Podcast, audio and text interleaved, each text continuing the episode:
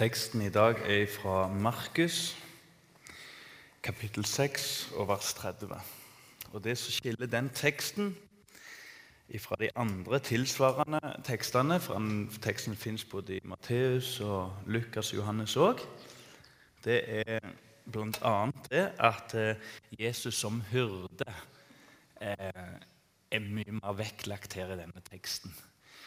Og så er det en litt spennende tekst, fordi at uh, i kapittel 6, som vi skal lese ifra, vers 30, Markus 6, vers 30 Jeg skulle ønske jeg så flere bibler i fokus, men uh, jeg tror ikke det passer seg med la gå. Men Markus 6 og vers 30 uh, eh, Det som er litt spesielt med denne, det er at det er jo denne teksten om Jesus som mette 5000 mennesker. Står veldig morsomt på slutten. Det var 5000 menn som hadde spist. Bare som en liten kuriosa. 5000 menn som hadde spist. Eh, to kapitler etterpå så står det om 4000 menn, foruten kvinner og barn, som har spist. Så går det litt i surr. Men eh, det er antageligvis to forskjellige historier. Eh, og om noen skulle lage et stort nummer av det, så skal vi huske at eh, det er jo fire personer, eh, åtte øyne, som har sett. Sett at det var et stor forskjell, nærmest en katastrofe, en habilitetssak. At én skriver 4000, og en annen skriver 5000 menn. Eh, prøv å gjette hvor mange det er om du skulle gjette, hvis vi her inne skulle gjette De var nok flinkere den gangen. Hvor mye er 4000 menn? 5000 menn? Nå viser jo egentlig teksten at det er to forskjellige historier uansett. da. Herre Jesus, takk for Miriam. Vi vil videre legge hun fram i dine hender. Takk for søndagsskolen, denne gaven som Norge har fått som har forma dette landet, som har forma meg. Ber Herre for uh, søndagsskolelærerne, verdens viktigste lærere. Herre Jesus, med deg møte videre fram i, i de hånd og ber om at uh, vi tror mot ditt ord, vi taler som ditt ord, forkynner fra ditt ord og bruker ditt ord nå, Herre, på en sunn og god måte ber Herre om at det griper inn i våre liv, sånn at folk kan si at vi er lik deg, Jesus. Amen. Ja, Jesus mette mange, mange tusen. Det er altså teksten. og Den skal vi gå litt igjennom vers for vers ned igjennom. Og Helt til slutt så har jeg noen bibelvers som vi skal kikke litt på. Rett før Jesus gjør dette fiske- og brødunderet, så blir Jesus avvist på sitt eget hjemsted. Det er jo da han kommer med disse ordene om å være en profet, og hvor vanskelig og nærmest umulig det er på eget hjemsted. For Jesus så var det nok flere dimensjoner over det, at du drar med deg ditt dårlige. Evig eies kun et dårlig rykte. For Jesus så var det andre ting. For det står jo i teksten at de undres over hans lære. Det står òg at eh, han var jo en tømmermanns sønn, så det var ikke det de fant feil på han. Det var bare det at han nærma seg dette, at han skulle være Guds sønn. Så ble det umulig. Så jagde de han vekk fra sine hjemtrakter. Legg merke til en ting i teksten før Johannes 6. Jesus har aldri gjort forsøk på å være i tråd med sin samtid. Jeg har hørt en del andakter på radio nå. Dette her med, med nå i dag. Og Det er jo viktig å leve nå. Det er viktig å være til stede nå. Men legg merke til i Bibelen finner du knapt forsøk fra Jesus på å være i tråd med samtida for å være det. Han var mer til stede enn de åndelige på sin samtid, men han var òg et brudd mot sin samtid. Og det har Bibelen alltid vært. Det må vi kristne alltid ha som utgangspunkt. Bibelen har aldri gjort forsøk på å være i tråd med samtida si. Eh, rett før så kan vi òg lese om en voldsom fest som Herodes hadde, med et tragisk utfall. I ene øyeblikket så står det at, Herodes han ville stå Jesus eh, til, nei, døperen Johannes til liv. Han, ville drepe han, fordi han hadde jo sagt at 'den kona du har, er jo ikke de'. Han hadde jo tatt broren sin kone. Jeg kan tenke deg altså så lavmål. Hvordan kan en blind lede en blind? Og Dattera fulgte med, holdt jeg på å si, og hun danste. Og Herodes drakk seg full og gjorde en ufattelig dum ting. Han som han ville drepe, var òg han som han var så nysgjerrig på. Og så fikk han hodet på et fat. Dette er opptakten. Du skjønner gjerne at vi er rett før påske nå. Og så er det en liten ting til som skjer. Det vil si en spennende ting, for det har med vårt første vers å gjøre. Og det er at eh, Jesus sender ut de 70. Hvem er de 70? Jo, det er disipler av Jesus som har fått i oppdrag av å forsmake på misjonsbefalingen. Dra ut, og de fikk myndighet til å drive ut onde ånder ukjent for oss. Skal tro hva Jesus hadde gitt 70 mennesker mandat til å drive ut i dag. Hver tid har sin ting. Gjerne òg onde ånder. Eh, de fikk beskjed Ganske heftig tekst, altså. De fikk beskjed om at når de gikk til sin destinasjon, sitt, kall og sitt område, som de antakeligvis hadde snakket om på forhånd, vil jeg tro, så står det at de skulle ikke stoppe på veien. De skulle ikke bli hefta på veien om det var aldri så meningsfylt, det som skjedde på veien. Tenk om du og jeg hadde hatt en sånn målrettenhet og vært grepen sånn av Jesu oppdrag at sjøl en meningsfull ting ikke skal hefte oss. For det de skulle gjøre, de skulle forkynne først og fremst budskapet om Jesus Kristus, om Messias som var kommet. Det var det de ikke måtte bli forstyrret for. Og så vet vi at det var hardt arbeid og det var travelt, og så møtes de i vers 30. Kan vi lese om det hvis vi får opp eh, teksten? Apostlene samla seg igjen. Veldig flott, altså. Her kan vi sette oss inn i situasjonen. Igjen samler de seg som misjonsfellesskap hos Jesus og fortalte om alt de hadde gjort og hva de hadde lært folket. Er ikke det flott å komme sammen? Et par mennesker som ektefeller, i bibelgrupper og i dag å dele hva vi har opplevd. Noe av det flotteste som fins, er å høre hva andre mennesker har opplevd i tjenesten med Gud. Det er så dyrebart. Det er fullt av ånd. Det er et mektig vitnesbyrd når vi kommer sammen og deler hva vi har opplevd av seier og nederlag og noe midt imellom i Guds rike. Og det er det de gjør her. I hvert fall så kan vi se for oss alt de har vært igjennom. Travelheten, kjøret. Um, avvisningen og Da leser vi vers 31 hva som skjer. Han sier da til dem Ikke bare sier til dem, men da, midt oppi den situasjonen, så kommer Jesus med en sak her. Kom med meg til et øde sted hvor vi kan være for oss selv. Og hvil dere litt. ikke det flott? Dette er en Guds dag. Det er mange høytider, det er mange mandager og torsdager i Guds rike som Kirken i 2000 år har valgt for å markere viktige hendinger. Og så har vi nå en gang landa på søndagene. Jødene har eh, lørdagen som sin sabbat. Og nå i dag er vi samla for å hvile.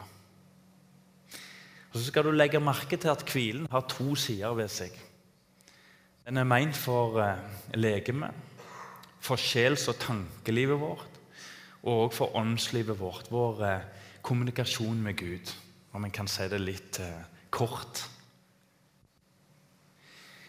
De to delene er jo en tredjedel av døgnet om natta som Gud har gitt oss til å sove og hvile. Vi vet hva som skjer når vi ikke får hvile. Det kommer, det, Morgan. Det var jeg som sto opp hos oss. Men det var alt jeg gjorde. og så har vi fått søndagen. Og søndagen er meint for å hvile. Jeg har fått mange tilbud på søndagen. Men jeg ser mer og mer behovet for å være både i ro, men òg å få hvile i Guds ord. Det mangler noe i ditt liv hvis du ikke får hvile i Guds ord. Vi skal jo legge merke til at Snart så begynner Jesus å undervise. Og det var det denne hvilen var fullt av. Um, om ikke det har meldt regn på gang, har vi noen gang på Jæren snakket så mye om vær de siste åra som dette året. Et vær vi ikke er kjent med. Og vi må bare beklage til våre gode venner fra Hellas. Det er ikke sånn det er her. Det er ikke så fint vær som dette. Det blir spennende å se om jorda klarer å ta imot vannet. Dette kjenner bøndene til. Gartneren kjenner til det. Det blir spennende nå å se utpå dagen om jorda er så frossen og tørr at du blir bortskyldt. Så fjern kan du og jeg komme ifra Guds ord at når det kommer, så har ikke porene i hjertene våre fått åpne seg opp for Guds ord. La oss velge søndagen sånn som Gud utfordrer oss til. Til å hvile som legeme, i vårt tankeliv og ikke minst i vårt åndsliv. Hvil dere litt midt oppi de travle. Og jeg tror at vi kristne må spørre oss sjøl hva signal sender vi om kristendom? Jeg har nevnt det før. En nabo så sa han det virker travelt å være kristen sa han, når jeg for ut dørene. Og Han så sikkert at jeg hadde så lyst til å snakke litt med han, men så lå det nærmest som en tjeneste og et kall over det, og ikke en naturlig samtale. Det virker travelt å være kristen, sa han. Å være kristen er å få komme til Jesus og hvile. I vers 32 så drog de bort med båten til et øde sted for å være for seg selv. Det er liksom det å bestemme seg. Og om du er alene, eller om du er gift, ha en samtale med deg sjøl eller en samtale med din ektefelle, og la det materialisere seg. Vi har kjøpt ei hytte. Kan fort bli en trussel. Jeg har en jobb. Kan fort bli en trussel. Det som skulle være kjekt, det som skulle være meningsfullt, kan bli en trussel. Vi har bestemt oss for, og så vil jeg gjerne bli prøvd på det, at når søndagen kommer, drar vi på fokus eller andre åndelige møter. Og Det er en regel som er viktig å holde. Mange kristne har knapt en regel. De gjorde mening av det. Så drog de bort. De skar igjennom. Ehm, vers 33. Og Jeg bare også sier til det at det, sånn gjorde meg og Vigdis det, og så strever vi med å leve etter det. Og så får du finne ditt vis å gjøre det på. Det er òg viktig å si. Vi må ikke kopiere hverandre. Men folket så dem dra bort, og mange kjente dem. Fra alle byene kom de nå løpende til fots. Og hør på den herlig fortvilte setningen som kommer nå. Og de nådde fram før dem. Det blir som en kunde som står hjemme når jeg kommer hjem. Det er ikke ideelt. Jeg tar imot alle kunder, men det er ikke ideelt. Kunne jeg fått ti minutter på badet på et varmt flisegulv? Bare ti minutter. Håper dere tar eh, spøken. Du har dine situasjoner. Bare litt hvile. Og så står de der når en kommer. Når det før dem. Syns han er litt fullt av komikk òg, den setningen. Omgitt av problemer. Og så hadde de så behov for å dele. Og Der kommer det noen sånne skjæringer i Guds rike mellom dette å hvile og det som er å stå i tjenesten. For i neste vers så kan vi lese at, eh, at en kristen må aldri gå seg fast heller i regler. Det kommer et punkt da en må gripe situasjonen.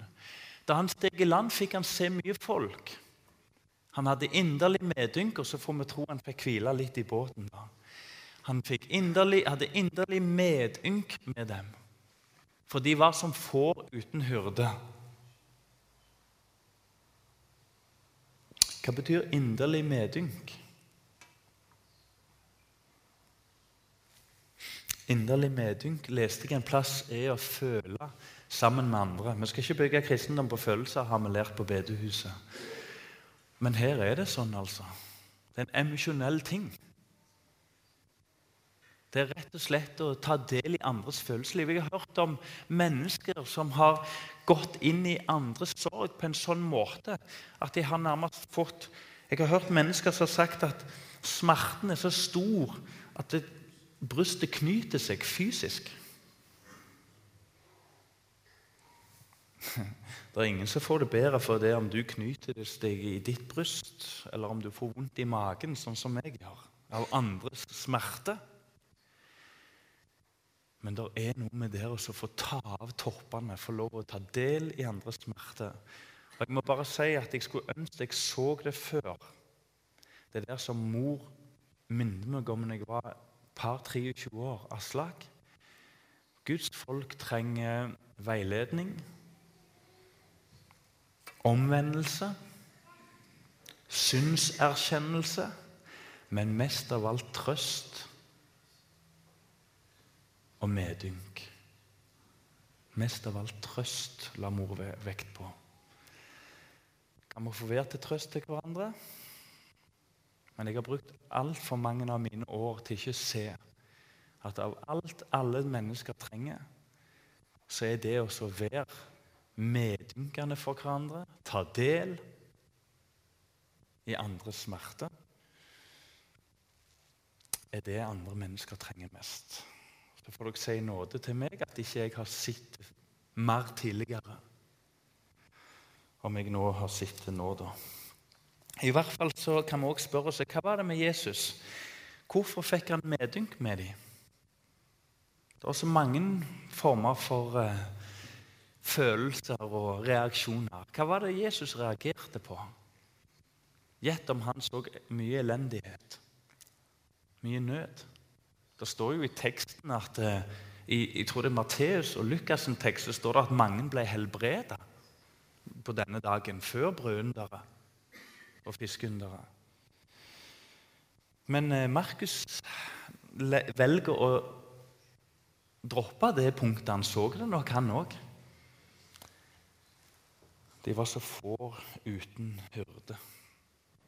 Det var det som grep Jesus så ekstra. De hadde ingen retning på livet. De hadde ingen mening i livet. Og Det er mye som skal gripe oss som misjonsbevegelse og deg som menneske. All nød må imøtegås, men et folk uten hyrde Nord-Korea er jo stadig et aktuelt land. Og det vekker medynk. Nå så jeg òg en gutt som hadde vannhode. Som vekka veldige reaksjoner i aviser. Så dere denne lille gutten som ikke fikk operasjon?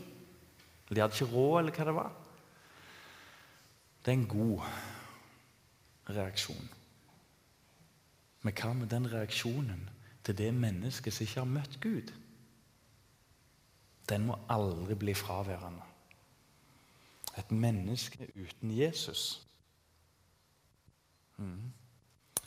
Og så kan vi spørre oss sjøl hvilken eh, gave hadde Jesus til mm, folket? Nesten litt arrogant, men undervisning.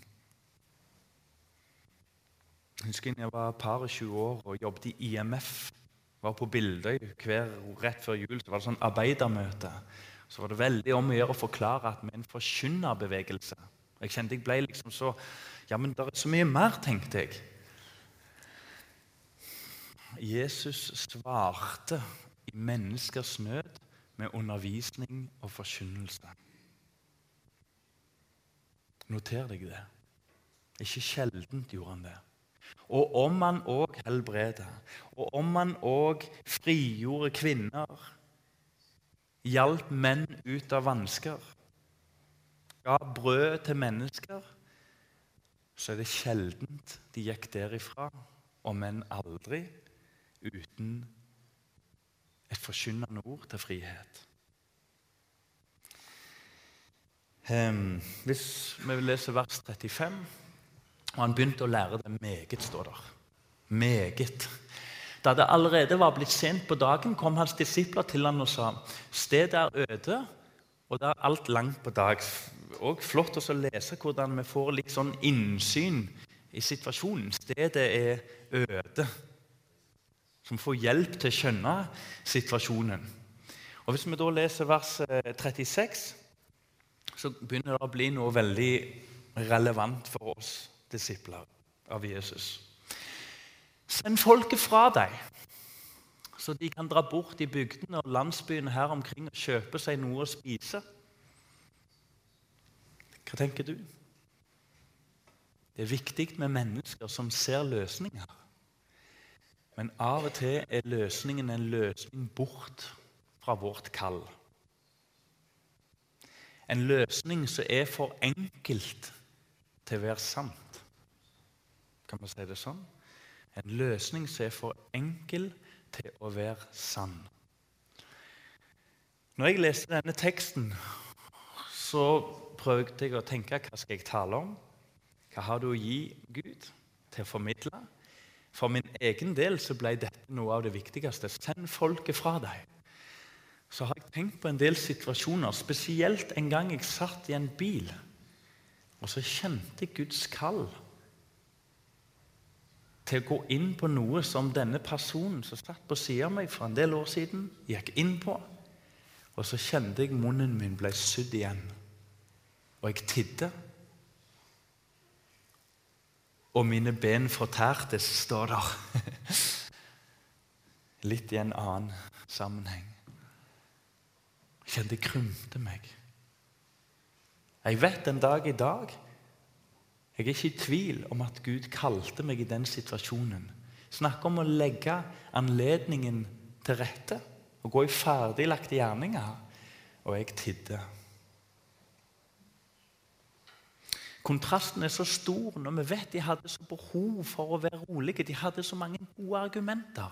Mye bedre enn du og jeg antakeligvis på lang tid vil få. Og de vil sende dem vekk. Um, Kom til meg, sier Jesus, alle dere som strever og bærer tunge byrder, og jeg vil gi dere hvile. I vers 37 så står det Men han svarte og sa til dem, og her kommer vel vendepunktet i teksten. Her kommer, her kommer krysset, veikrysset.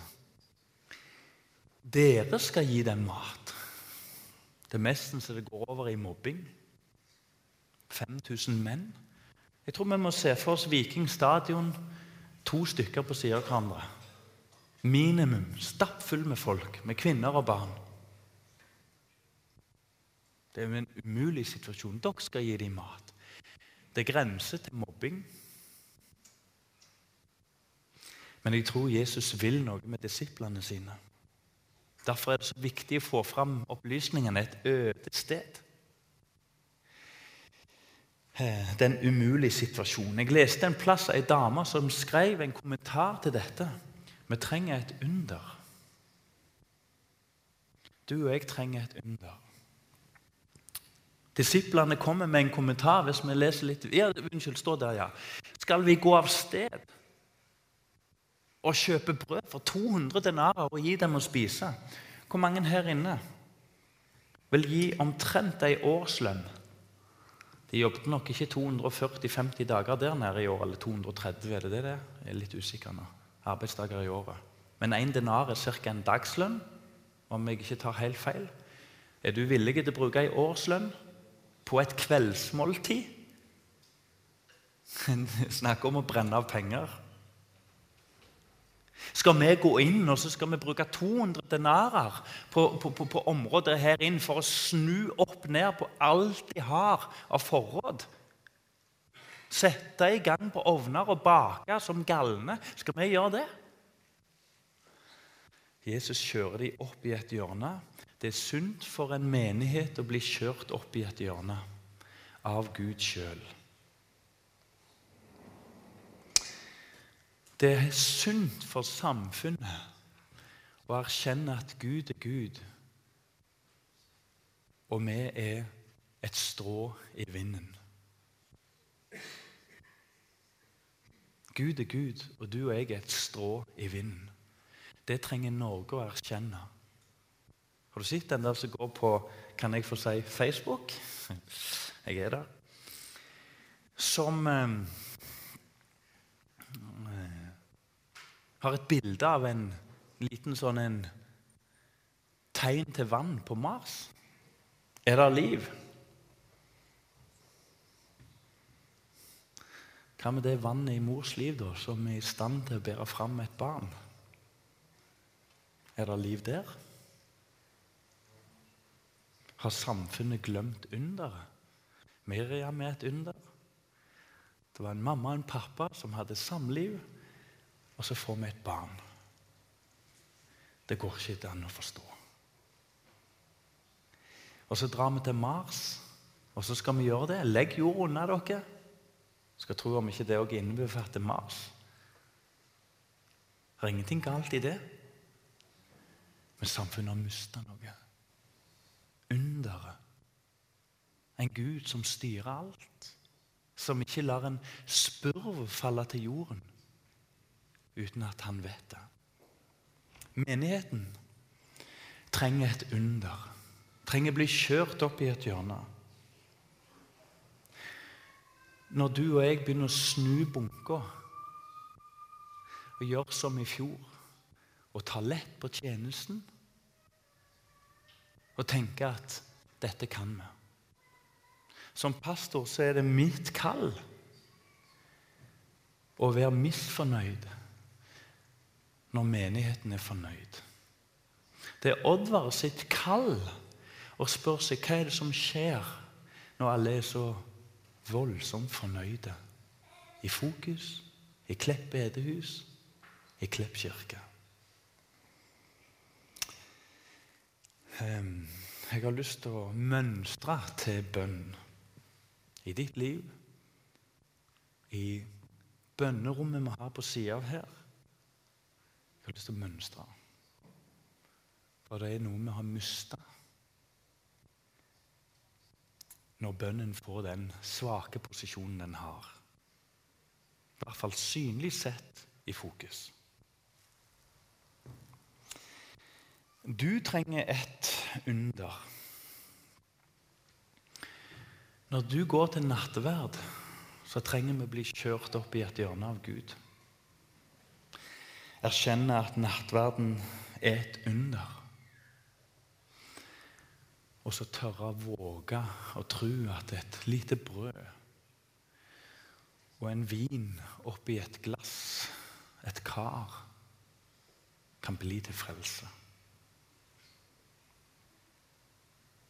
For det er aldeles ulogisk. Hva er det som skjer her? i denne situasjonen? Jo, det er jo akkurat det samme som for Elias.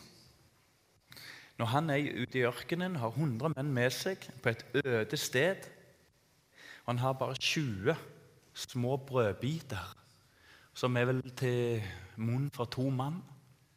Han er kjørt i et hjørne, og så skjer det et brødunder. Hva er det som skjer her? Det er jo et bilde på manna. En Moses gikk ut i ørkenen. Og så fikk de knapt sitt. Hæren ble drukna før de begynner å rope Skal vi sulte her?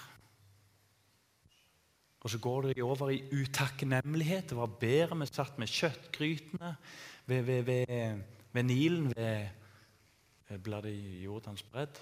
Nei, det blir jo feil. Det var bedre vi satt med kjøttgrytene Unnskyld, nå blander jeg her. Det var bedre vi satt med kjøttgrytene i Egypt, i fangenskap, framfor å tro på dette her i ødemarken.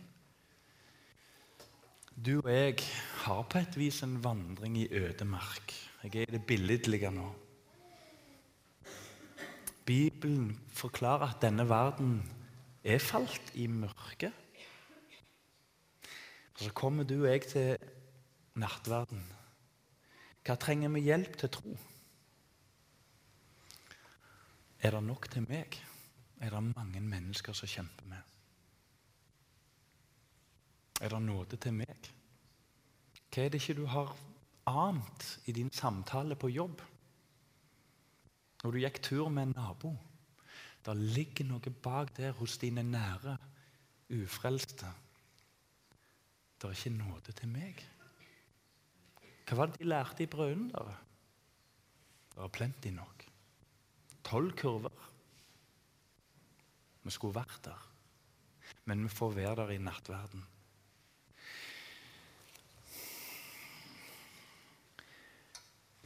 Kan jeg komme igjen? Har du mista den dimensjonen over nattverden?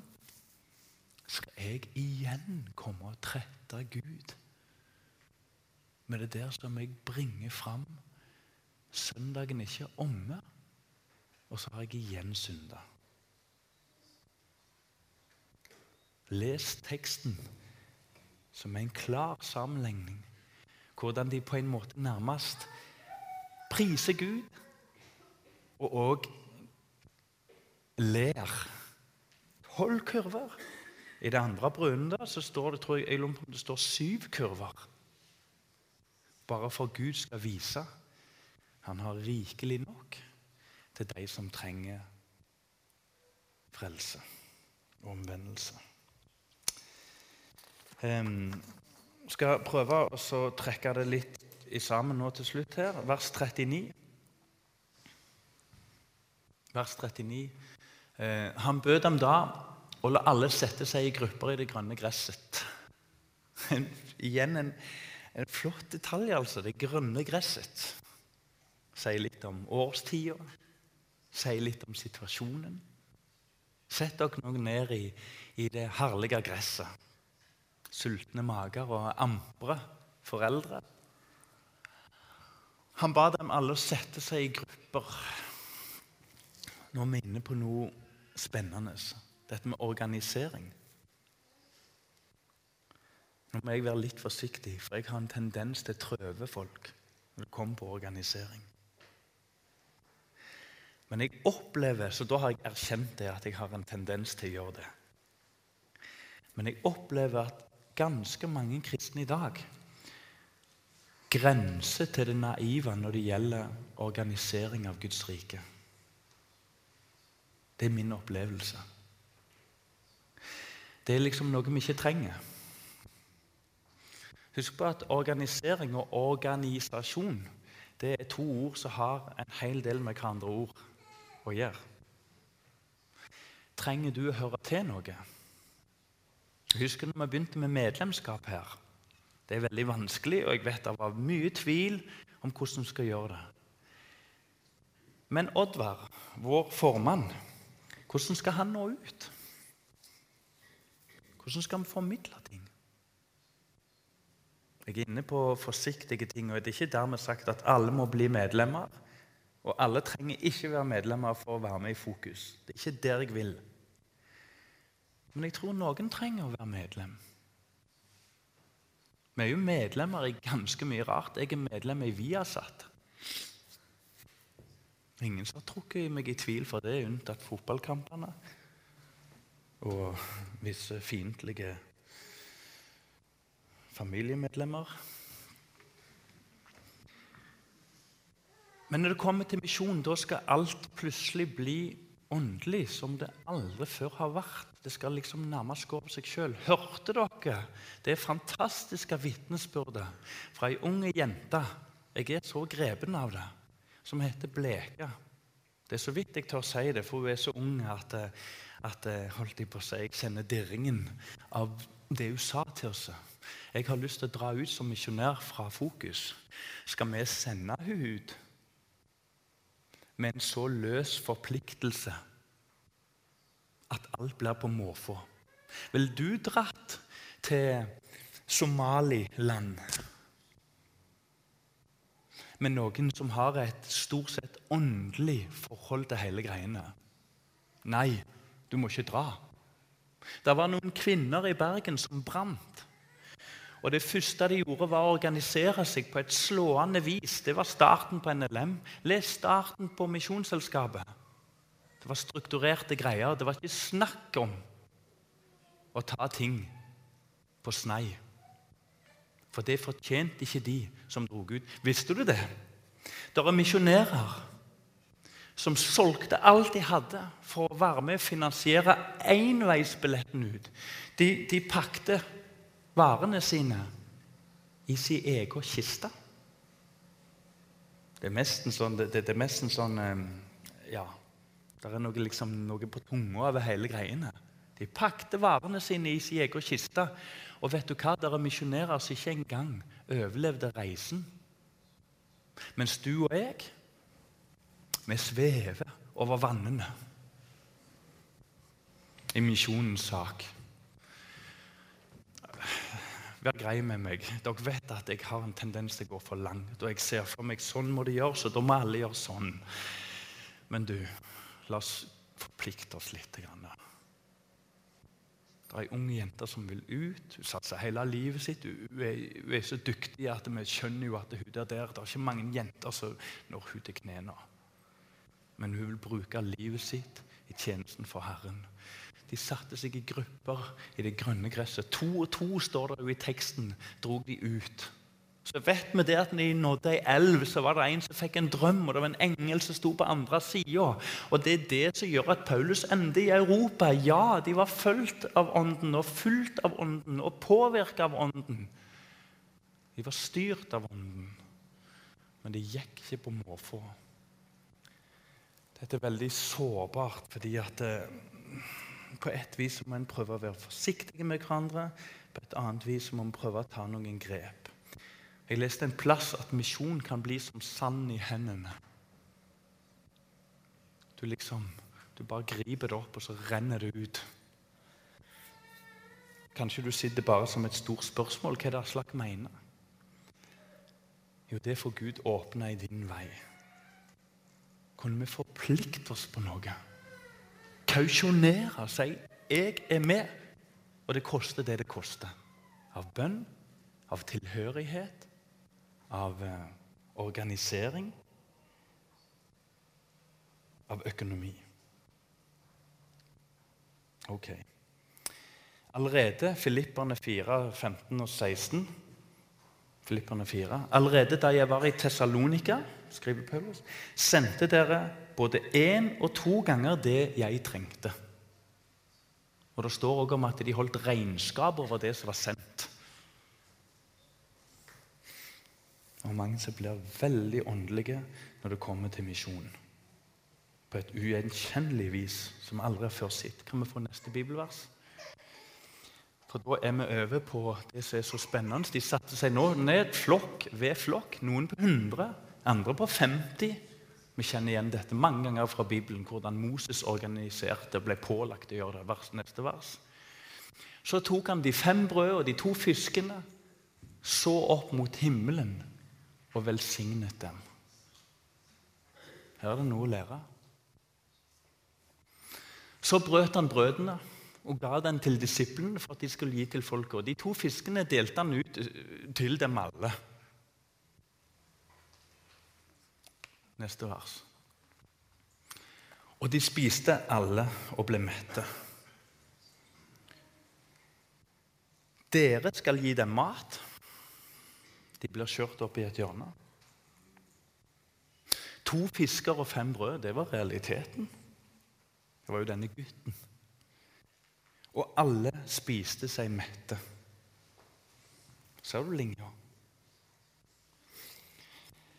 Ehm, det handler om å dele. Det handler om å få. Tenk på den festen som var rett før. Herodes sin fest. Hans tanke om å dele, hans tanke om å bli velsigna. Så trist. For en fest. Du kjenner, du kjenner historien. Så trist. Så egoistisk. Han eh, står i kontrast til Jesus, og det sies at det følger ikke under med egoisme, sies det. Det følger ikke under med egoisme. Det var egentlig en ganske trist fest Herodes hadde. Med noen få elementer som prøvde å sprite opp festen, men i bunn og grunn en trist fest. Se på Jesus' sin fest, velsignelsesfesten. De deler av det de har. Er det noen som har erfart det i sitt liv? Dele og et under fra Gud gir misjon. Jeg tenker egentlig på så lite tid jeg i bunn og grunn bruker på Guds rike. Og så mye som det gir igjen. Jeg har sagt det er mye enklere å drive et golvleggerfirma enn å drive misjon. Men er det sant? Er det mye enklere å være sykepleier enn å være med i Guds rike? Hvor mye tid bruker du som sykepleier? Eller som bussjåfør eller ingeniør? Hvor mye tid bruker du? Det er voldsomt å se hvordan Gud gir hundrefold av lite sådd. Lina Sandell har en fantastisk sang om å gjøre det lille en kan. Um, hvis vi ser bitte lite grann da, til slutt på tienden Hva er det for noe? Det er å gi. Og Tienden er ikke bare penger nødvendigvis. I Gamle testamentet, i et føydalsamfunn eller et byttesamfunn, så naturligvis så gikk det ikke bare i denarer eller shillings eller kroner. Abraham er den første. Kan vi få opp første Mosebok 14, vers 20? Skal du få en helt kort og rask gjennomgang. Abraham, første Mosebok 14, 20. Han er jo troens far. Han er òg mm, tiendens far. Og lovet være den høyeste Gud, sier Abraham. Abraham heter han denne tida. Han har ikke engang fått nytt navn. Som har gitt dine fiender i din hånd. Og så bånder det ut i Og Abraham gav ham tiende av alt. Dette før loven om tienden. Frivillig ga han. Jakob står det òg at responderte på det Gud hadde gjort for ham. Frivillig. Det var ikke av tvang. Han fant det naturlig å sette av 10% Fikk du fem lam det året, ti lam det året, så skulle ett av dem gå til Guds rike. Matteus 23, vers 23, kan vi få det? Ved dere, skriftlærde og fariserende. Nå er vi i Det nye testamentet. Den nye pakt. Den gamle pakt sa at du skulle gi tienden av alt. Ja. Ved dere skriftlærde og fariseere, dere hyklere som gir tiende Hør, hør på ordet. Av mynte og anis. Er det rart han ble korsfesta? Av mynte, anis og karve. Han kunne jo provosere en gråstein. Han gikk rett i fleisen på det. Mynte, anis og karve. Men lar ugjort det som være tyngre i loven, rettferd, barmhjertighet og troskap dette skulle gjøres. Så Jesus går ikke imot tienden. Det skulle gjøres, det. Selv om han nå snakker til, til Jakobs barn. Ja. Rettferd, barmhjertighet, og dette skulle gjøres, og det andre ikke forsømmes. Begge deler skal gjøres. Men hvis vi avslutter med, og hvis vi får opp Lukas 6, vers 38 Lukas 6, 38 gi. Du vet, Det går ikke an å tale om denne teksten uten å snakke om givertjenesten. Det blir ikke rett. Gi, så skal det bli gitt dere. Et godt mål, stappet, ristet, og overfylt, skal bli gitt dere i fanget. Legg merke til i fanget. Det er Guds rolle oppi dette her. For med det samme mål som dere har målt med, skal det måles igjen til dere. Vet du hva vi skal være forsiktige med å si? At den som gir til Guds rike, skal ikke mangle noen ting. Det skal vi være veldig forsiktige med. For det er ikke sikkert vi har dekning for det. Sånn som vi ofte tenker. Som en lønn. Visste du det? At eh, Abraham han ble ikke rik fordi han ble så velsigna pga. at han ga tienden. Hvordan ble Abraham rik? Ved at han lurte farao opp i stry med å lyge om kona si. Som gjorde at når situasjonen ble avklart, så ble Abraham bedt om å da og måtte flykte. Og han fikk med seg enorme verdier. Svindel. Simpel svindel. Hva skjedde når Abraham kom til eh, kong Abimelek? Han lurte han igjen opp i stry pga. kona si. Snakk om å selge kona, altså. Og han ble søkkerik. Abraham ble ikke velsigna fordi han omskar seg, eller fordi han var lydig med Gud, eller fordi han gjorde sånn og sånn og sånn, som en brusautomat som Ulf Ekman presterer å si at Gud er som en ulv, brusautomat. At Putter du fem kroner på, så får du et produkt som er verdt det. Putter du mer, så får du en sånn en kurve. Det er ikke Bibelens Gud. La oss lese fra ordspråkene 10 og vers 22, så vi får et sunt forhold til tiende og givertjeneste. Det er Herrens velsignelse som gjør rik. Og hør Eget strev legger ikke noe til. Om du gir halve lønna di til organisert misjonsarbeid, så er du ikke garantert en velsignelse i det hele tatt. Eget strev legger ingenting til.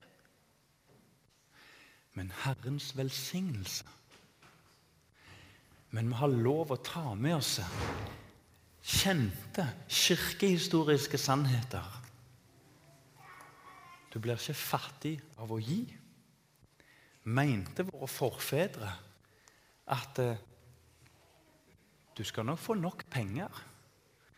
Jeg tror de var inne på det òg, men jeg tror det at det gjaldt andre ting. Det er mennesker som har gitt og ikke blitt rik i det hele tatt. Å ja. De fleste har vel ikke akkurat opplevd at det ga du kroner, ga du tid så vasser du i, i, i penger eller i andre ting. Nei. Vi skal være forsiktige med det. Da slutter vi med det bibelverset. 2. Korinterbrev, kapittel 9 og vers 7. Der er Jesus veldig kontant. Eh, Jesus, sa jeg. Nå ble jeg usikker. Jeg må sjekke hvem som sa det. Eh, Enhver må gi Jo, det er Jesus som sier det. Enhver må gi slik han setter seg fore i sitt hjerte.